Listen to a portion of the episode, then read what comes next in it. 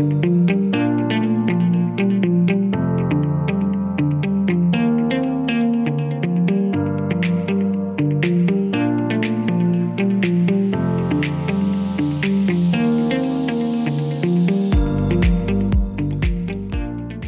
bij een nieuwe aflevering van VIP, de Vioren podcast. Vioren is een centrum in Hilversum waar mensen met kanker, hun naasten en hun nabestaanden elkaar kunnen ontmoeten en ondersteunen. Wilt u meer weten over Vioren? Luister dan aan het einde van deze podcast. Mijn naam is Michel Rudolfi en vandaag spreken we met Esther van Welen. Zij is trainer en begeleider en tevens eigenaar van Vestalia. Vestalia is een organisatie dat trainingen, workshops en begeleiding in de zorg aanbiedt. In deze podcast hebben we het over haar visie rondom zorg en informele zorg, haar activiteiten voor IPSO en haar betrokkenheid bij Fiore. Kortom, een veelzijdig persoon met een bijzondere belangstelling en ervaring in de oncologische zorg.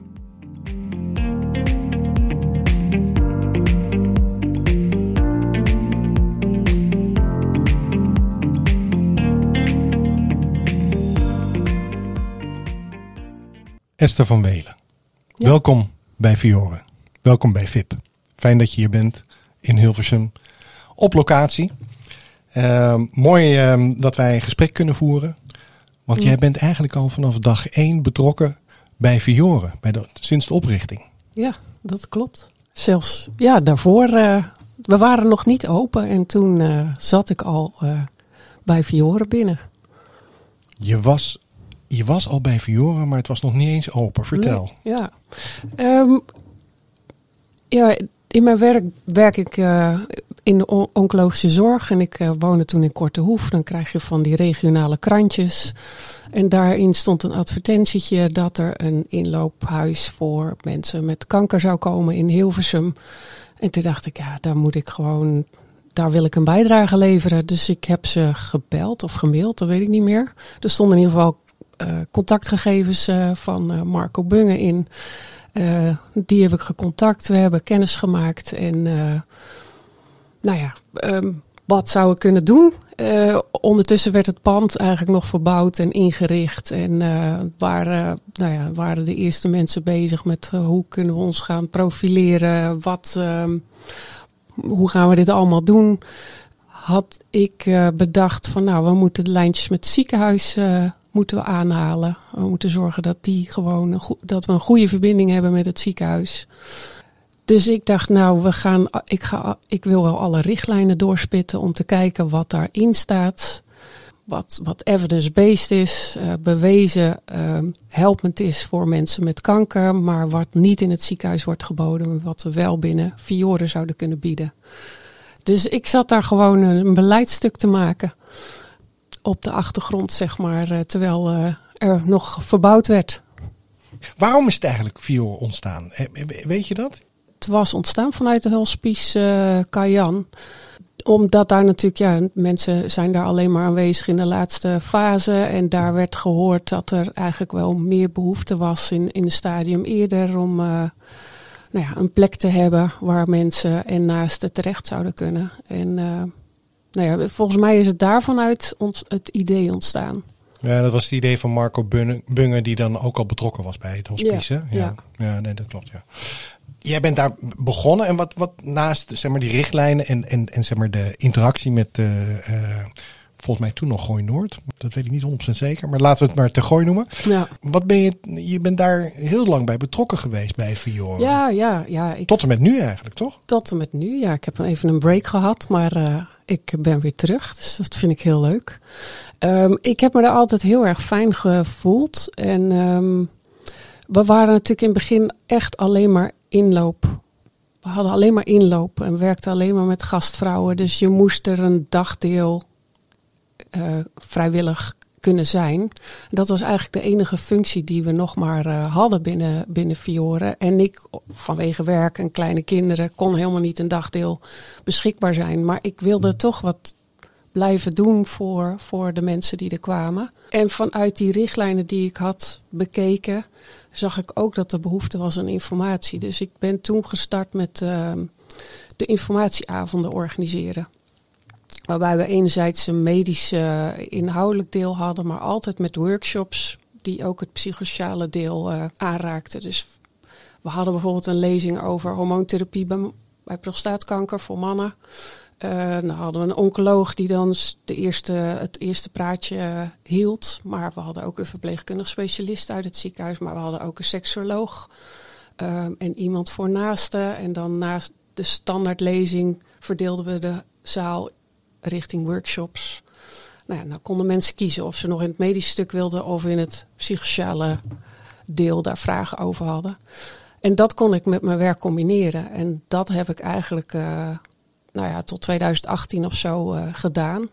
Uh, en ik vind gewoon dat er hier hele mooie mensen werken. De, toen en nu.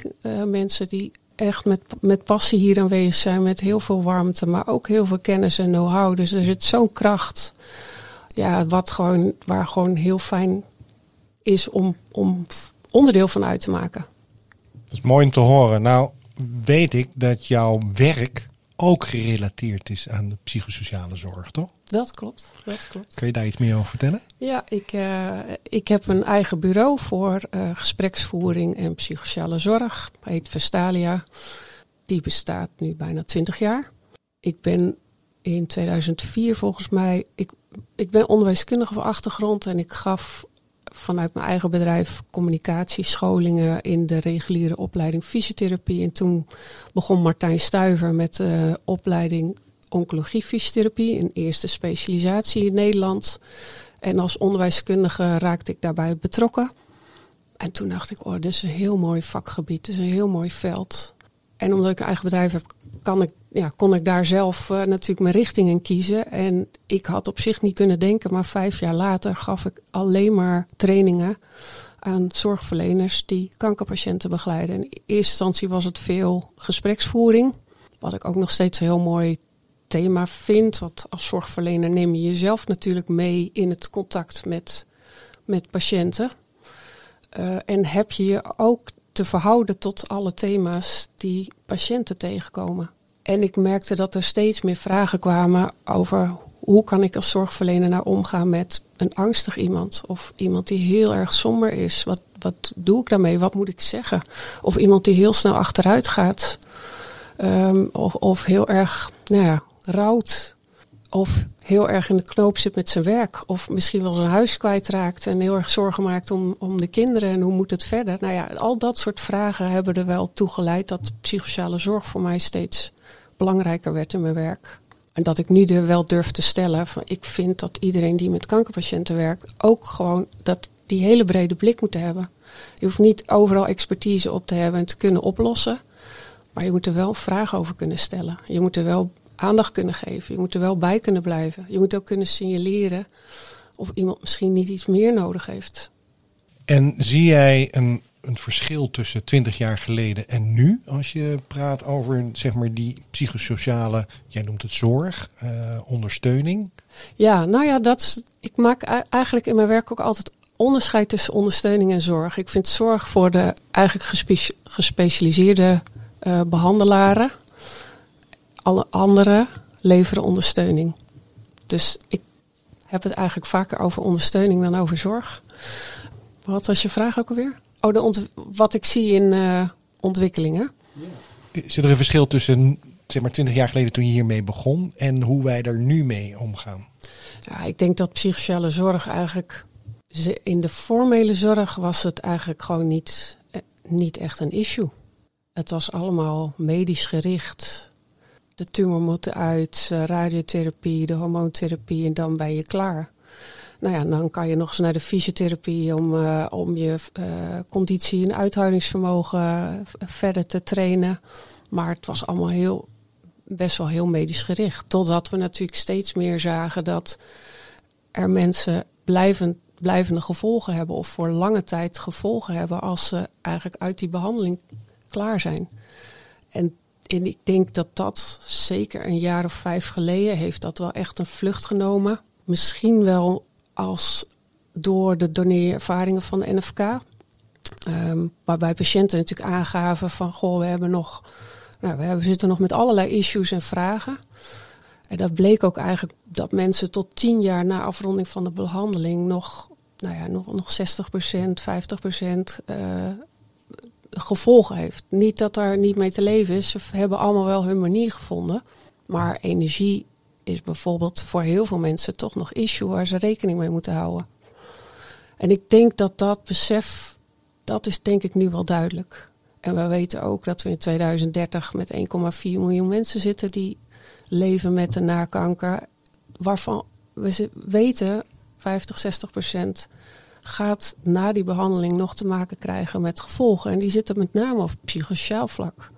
Verwerken dat je ziek bent geweest, uh, zelfbeeld, issues. Uh, misschien kan je niet al je werk meer aan. Uh, het is toch een heel proces om je leven weer te kunnen oppakken. En ik denk dat we daar nu steeds meer bewust van zijn dat de medische behandeling niet kan zonder een psychosociale ondersteuning of kijk of blik. Misschien nog even goed voor eh, de luisteraars. Je noemde net NFK. Ik denk niet dat iedereen weet precies wat NFK is, maar dat is een Nederlandse federatie van kankerpatiënten. een soort koepelorganisatie uh, van veel verenigingen en stichtingen die de patiëntenbelangen behartigt. En die hebben inderdaad lange tijd een uh, mooie campagne, volgens mij nog steeds. Nog steeds, ja. Over doneer je ervaring. Waardoor het ook meer toegankelijker wordt om over je ziekte te kunnen praten. En ik heb met de podcast van uh, Anne Gozensen geleerd dat als je erover praat, maar ook luistert, dat het zelfs een meerwaarde heeft op je levensverwachting uh, in dat kader. Vraag. Um, we noemden net, hè, 20 jaar geleden was het ja, eigenlijk binnen de zorgsector, zeker als je gaat kijken naar het ziekenhuis, bij de specialist, dan moest die tumor eruit, wat je net al zei. Moest, de chirurgie, de, de, de, de, farmaceutische kant, uh, de, de chemotherapie en de, en de bestralingen was dan heel belangrijk. En daarna moesten de patiënten maar weer een volgende stap daarin nemen. Hoe zie jij op dit ogenblik zeg maar, die relatie en, en, en wat verwacht je voor de toekomst tussen de formele zorg en de informele zorg? Wat is jouw blik daarop? Uh, ja, dat is natuurlijk ook een hele interessante ontwikkeling. Waarbij, nou ja, de kranten staan er eigenlijk voor, vol mee. Hè. De, de zorg heeft te weinig personeel om straks de, de zorgdrukte aan te kunnen. Dat weten we eigenlijk allemaal al. Dus er moet een soort kanteling komen dat er andere vormen van ondersteuning beschikbaar eh, komen. En zoals Anne eigenlijk in de, in de podcast ook al zei, we zijn het een beetje kwijt om als, als naaste te ondersteunen. En om gewoon, we proberen alles in de zorg te stoppen, in de formele zorg te stoppen. Maar er is eigenlijk al zoveel uh, wat we eigenlijk om ons heen hebben. Alleen we weten het niet meer goed te benutten. Dus ik, ik, we kunnen niet anders dan dat die informele zorg steeds belangrijker wordt. En ik denk als je ziet hoeveel aandacht er naar de centra gaat en ook hoeveel positieve aandacht er naar de centra gaat, dat die ontwikkeling in positieve zin goed doorgaat. Maar we weten ook kanker.nl en de Kanker.nl heeft heel veel uh, informatie waar mensen terecht kunnen, maar ook online not, lotgenotencontact. Uh, de patiëntenverenigingen bieden eigenlijk ook heel veel informatie en ondersteuning. Uh, we gaan denk ik ook toe naar ontwikkelingen als ervaringsdeskundigen inzetten, op eh, zelfregiegroepen. Nou ja, misschien veel meer aanbod voor naasten. En hoe kan je in gesprek met je, met de mensen om je heen. Dus ik, ik denk dat informele zorg eigenlijk de basis wordt van de hele ondersteuning aan, ja, aan mensen met kanker en hun naasten. En wellicht ook nabestaanden. En hoe gaat zich dat dan organiseren in jouw visie, in, in de wijze waarop jij dat nu zo beschrijft? Want ik denk dat ik heel erg met jou meega mm en ook heel erg goed kan volgen dat die informele zorg steeds belangrijker gaat worden en eigenlijk een fundament is voor zeg maar de, de, de aandacht en de behandeling en de nazorg van, uh, van, van de patiënt. Nou ja, je ziet natuurlijk nu al een ontwikkeling dat er allerlei netwerken ontstaan. Uh, oncologienetwerken waarbij de ziekenhuizen zich uh, meer bundelen en, en beter gaan kijken van waar kan die patiënt nou het beste terecht. Maar zo zie je dat ook in de eerste lijn waarin de oncologie zorgnetten netwerken zich ontwikkelen. En dat is echt, dat heeft een vlucht genomen de afgelopen twee jaar. En daar, en ik denk, die informele zorg moet daar gewoon ook een plek in krijgen.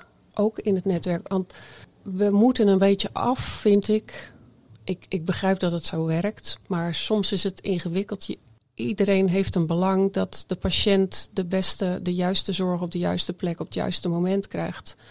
Maar doordat we toch allemaal nog een beetje kijken naar elkaar en wat aanbod gedreven kijken en denken van nou die patiënt moet bij mij, want dan omzet of dat hoort. Of, uh, we zijn met z'n allen denk ik in de zorg nog een beetje te veel aanbod gedreven. Ik denk ook de centra. Hè. De centra zeggen ook van patiënten moeten vooral, ja, wij willen ook genoeg patiënten hebben. Centra bedoel je?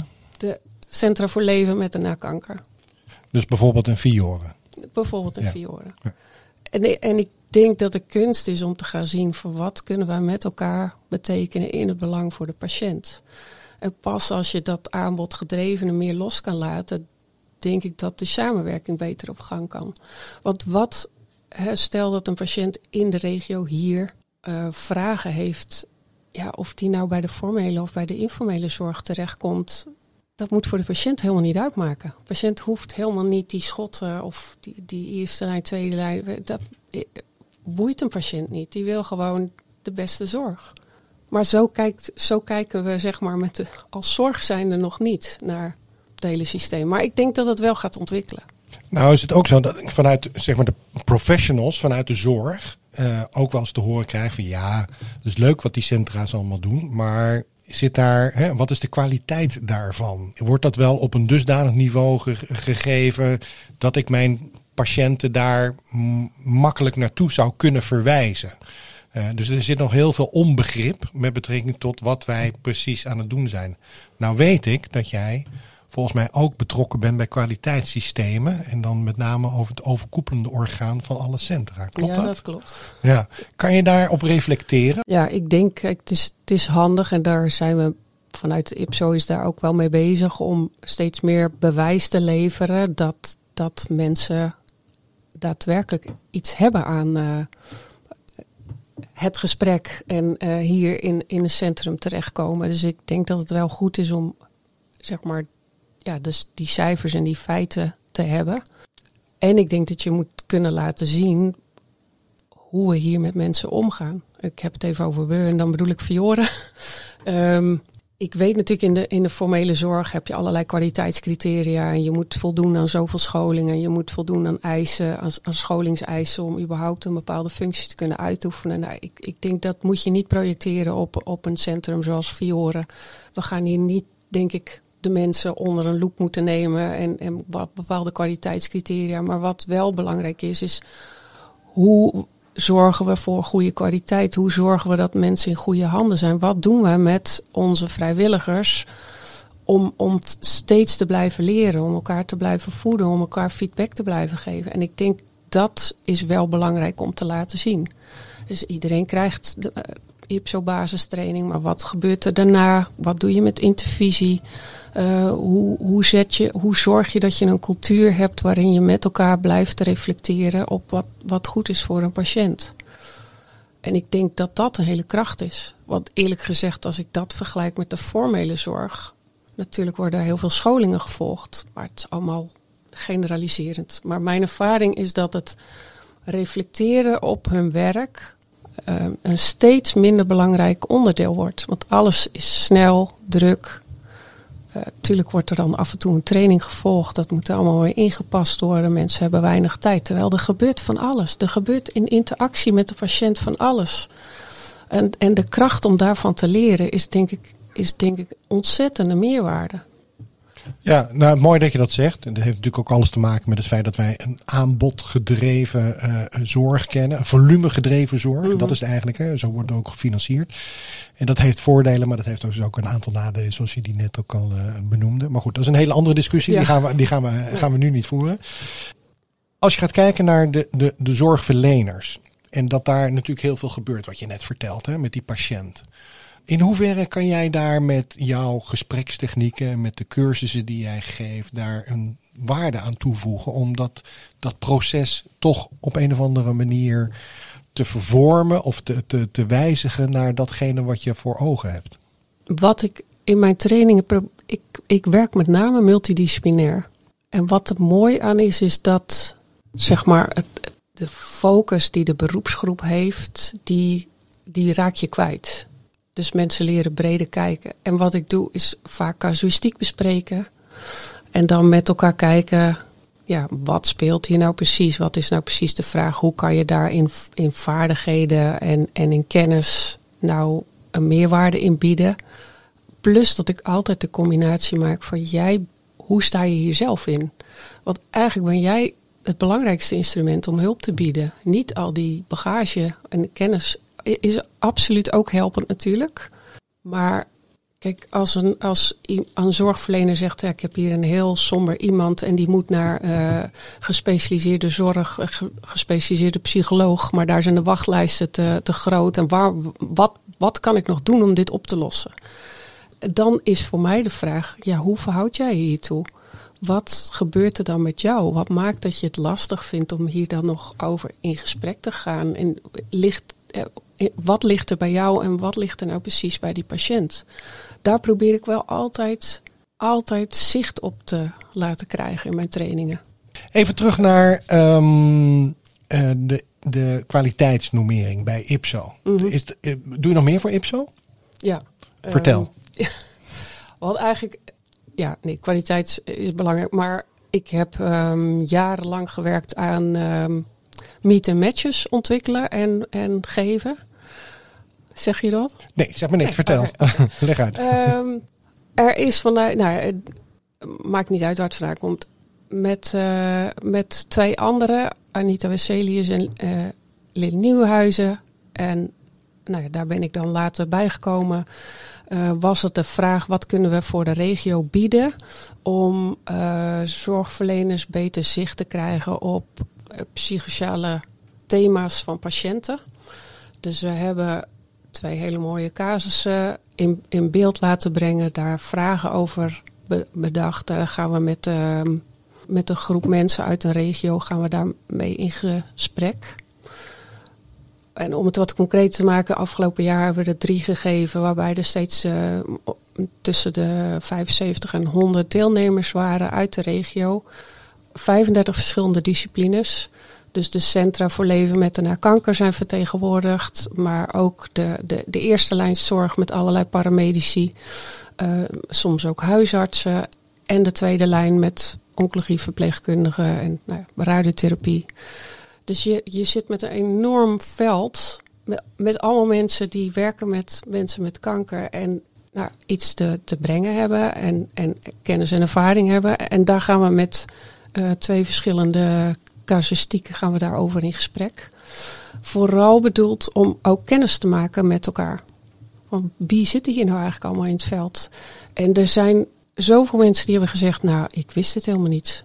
Ik hoef het niet alleen te doen ik, ik kan echt, ja, ik kan mijn patiënten nu verwijzen. Dus dat is een hele mooie opbrengst. Waarbij we, nou ja, eigenlijk willen, eigenlijk de, de, de muurtjes willen doorbreken. Kijk nou eens goed wie je voor je hebt. En, en kijk naar het hele veld. En wat is nou de best passende plek op basis van de behoeften van de patiënt waar die terecht kan.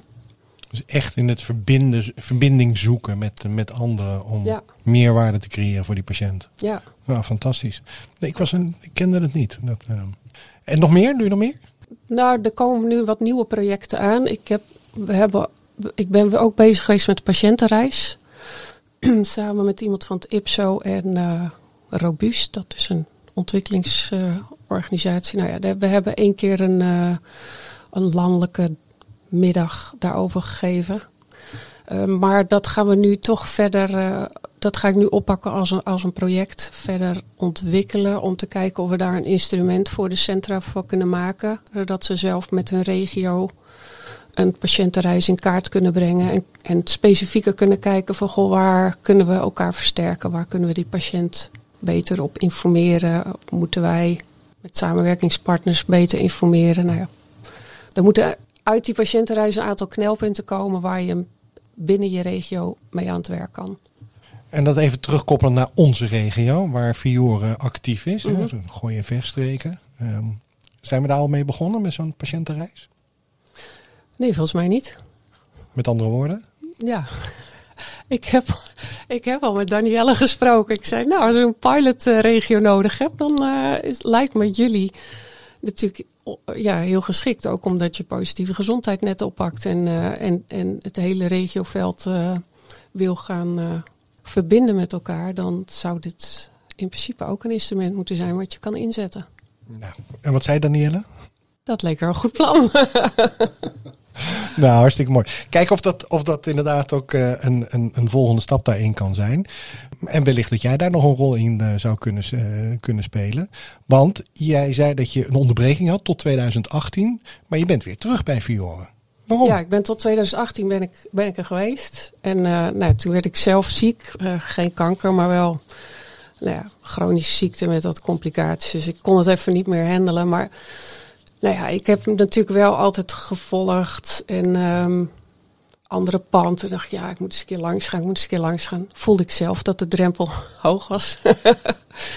Want natuurlijk zei Miranda van je moet gewoon even langskomen. Of, of Judith. Uh, toch heb ik dat de hele tijd uitgesteld.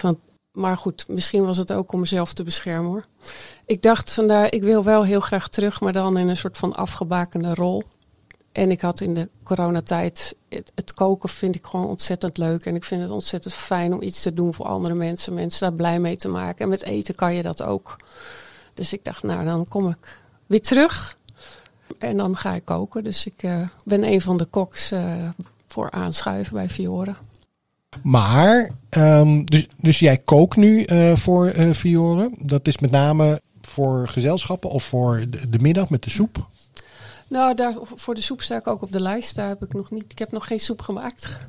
Maar um, ja, aanschuiven is een programma één keer per maand. Uh, daar kunnen mensen bij Fiore komen eten. Dus die komen dan om half zes. En we maken met z'n tweeën, twee koks, een, een drie gangen diner voor ze. En ondertussen kunnen ze met elkaar in gesprek.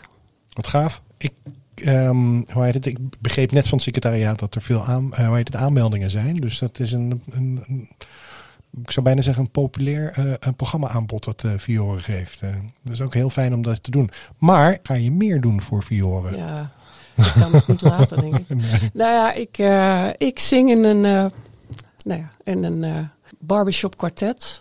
we zijn 15 jaar weer herenigd. Want vroeger hebben we ook gezongen. Um, en we had, nou ja, we vonden het leuk om weer met elkaar te gaan zingen. En eind maart hebben we een grote show.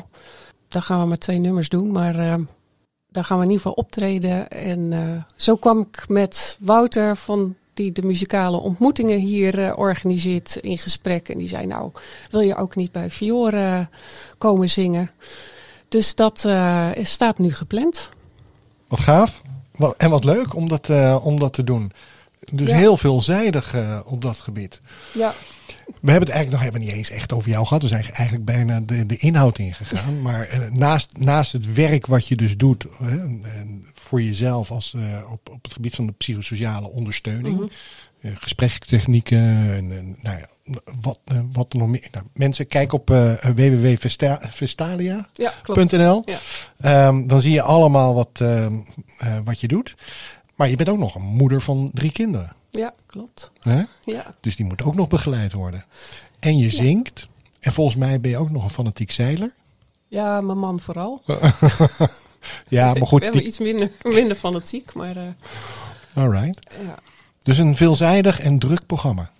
Ja, nou ja, vind ik zelf nooit. Maar ik hou niet zo van uh, thuis zitten, nee. Ik hou niet zo van op de, de bank zitten. Uh, ik ben wel graag bezig. Nou, wat leuk. En helemaal als dat uh, in uh, combinatie kan met, uh, met Fiore. Ja. Want met zulke kennis en achtergrond. Um, en ook nog in, in de kwaliteitsnormen en dergelijke. Is het allemaal toegevoegde waarde voor zeg maar, de verdere uitbouw van, van deze. Nou ja, van Fiore. Maar voor, in principe voor alle centra in, in Nederland. En ik ben ontzettend blij dat dat er, dat dat er allemaal is. Ja. Um, hoe zie jij. Ga het toch nog even over die centra hebben. Mm -hmm. Vind ik nog steeds hartstikke leuk. Fiore heb ik een beetje zicht op. Jij hebt vanuit het IPSO heb jij zicht op uh, centra in zijn algemeenheid. Hoe ontwikkelt zich dat nu? Ik bedoel, er zijn er nu 70 in Nederland of zo? Ja, 75. 75? Ja, de, eigenlijk is, de, is er natuurlijk een enorme ontwikkeling gaande. Wat in ieder geval te maken heeft met de ondersteuning vanuit KWF. Dat uh, alle centra een betaalde coördinator kunnen aannemen. En dat maakt dat er ja, dat er veel meer tijd besteed kan worden aan het opbouwen van, van de centra. Uh, en ik denk dat nou, daar, daar was gewoon heel veel behoefte aan. Er waren heel veel coördinatoren die uh, beperkt in tijd waren. En er is gewoon, het is gewoon heel veel werk. Er is gewoon veel te doen natuurlijk. En als je wil groeien, heb je gewoon meer uren nodig. Dus het is heel fijn dat die nu beschikbaar zijn. En die zijn ook door het hele land. Zijn er nu ook vaste coördinatoren of extra coördinatoren bijgekomen. Dus dat is een enorme slagkracht. En ik zie dat er, zijn nu ook drie regio-coördinatoren. Dus nou ja, Noord, Midden, Zuid. Die gaan de centra ook helpen op begeleiden. Uh, vooral om te leren van elkaar en om te kijken, om, om gebruik maken van nou ja, die heeft een tool en die heeft een bepaalde ervaring. Uh, dus die regio, regiocoördinatoren kunnen dingen van de huizen, van de centra bij elkaar brengen, bij de huizen, naar de huizen toe brengen. Dat is denk ik ook een mooie ontwikkeling. En ik denk dat iedereen, ik merk dat heel veel centra ook gewoon aan het zoeken zijn van hoe gaan wij de samenwerking aan binnen onze regio. Ja, wat ook gewoon een passende ontwikkeling is binnen de de formele zorg. Dus iedereen is een beetje zoekend van hoe kunnen we die verbindingen uh, goed leggen, beter leggen, met de ziekenhuizen leggen. Zo is er nu natuurlijk ook een ziekenhuisproject waarbij er een informatiepunt in het ziekenhuis komt vanuit een centrum. Dat zijn mooie ontwikkelingen, dus ik denk die vervlechtingen uh, die gaan volgen. En ja, verder zijn er natuurlijk ook nog steeds centra die, die die zoekende zijn van wat is een goede locatie, betaalbare locatie, kan ik mijn fondsen bij elkaar eh, krijgen. Dat, die, die vaste structurele financiering die er niet is, dat is wel de basis van, van een centrum. En daar zijn ook nog veel centra die daarmee worstelen. Maar goed, er zijn ook een hoop centra die zich echt enorm aan het ontwikkelen zijn. Ja, leuk om te horen. We gaan naar een afronding toe en eventjes aansluitend op datgene wat je net allemaal vertelt. En dank daarvoor. Wat wil je Fiore nog meegeven? Ik denk twee dingen. Ik denk enerzijds denk, maken we een hele goede stap door die verbinding te gaan zoeken in de, in, in de regio. En ik, mijn, mijn indruk, maar goed, dat weet ik niet precies, is dat Fiore al best een hele stabiele, stevige plek heeft in de regio. Maar goed, het gaat nu over concretiseren van die samenwerking. En nou, hoe doen we dat dan met elkaar op de beste manier voor patiënten? maar goed, dat, hè, mijn boodschap zou zijn, ga zo door. Want ik denk dat het heel erg passend is en, en dat, jullie, dat, je dat echt gaat lukken. En een tweede boodschap is denk ik, um, ja, blijf ook de mensen koesteren die hier zijn. En, en zorg dat, dat je goed gebruik blijft maken van de kwaliteiten die er zijn. er komen natuurlijk steeds wel meer vrijwilligers en het is ook, ook lastig. Maar ik denk dat is wel de kracht die hier aanwezig is al die kennis, ervaring en, en de warmte en liefde voor mensen. Het is zo'n enorme kracht en kwaliteit. Ja, dat mag nooit ten koste gaan van iets anders. Ik, uh, ik deel volledig je mening. We hebben er nu tien jaar op zitten. En we gaan ons verder voorbereiden voor de komende tien jaar. Uh, en zeker met datgene wat je nu net uh, vertelt, dan moeten we zeker in acht nemen. Daar ben ik het volledig mee eens. Is er nog iets wat ik niet gevraagd heb, maar wat je graag kwijt wil? Nee, volgens mij niet. Mag ik je dan heel hartelijk danken voor dit gesprek, uh, Esther. Dank je wel. Heel veel succes met al je activiteiten. We zien elkaar wel weer vandaag of morgen hier in het centrum. Dat dank je wel. Ja, dank je wel.